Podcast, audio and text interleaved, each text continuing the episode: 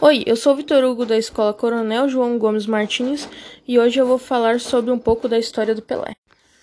O Pelé é um ex-esportista brasileiro considerado o maior jogador de futebol da história. Ele é chamado de Rei do Futebol. Ele nasceu na cidade de Três Corações, em Minas Gerais, no dia 23 de outubro de 1940.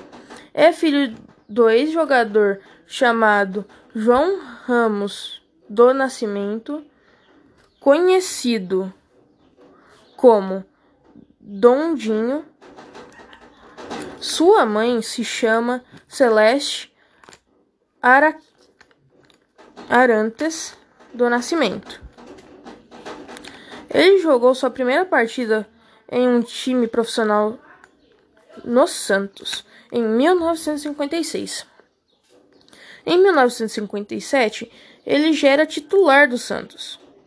E em 1962, as equipes ven a equipe venceu o então bicampeão Penharol. Penharol.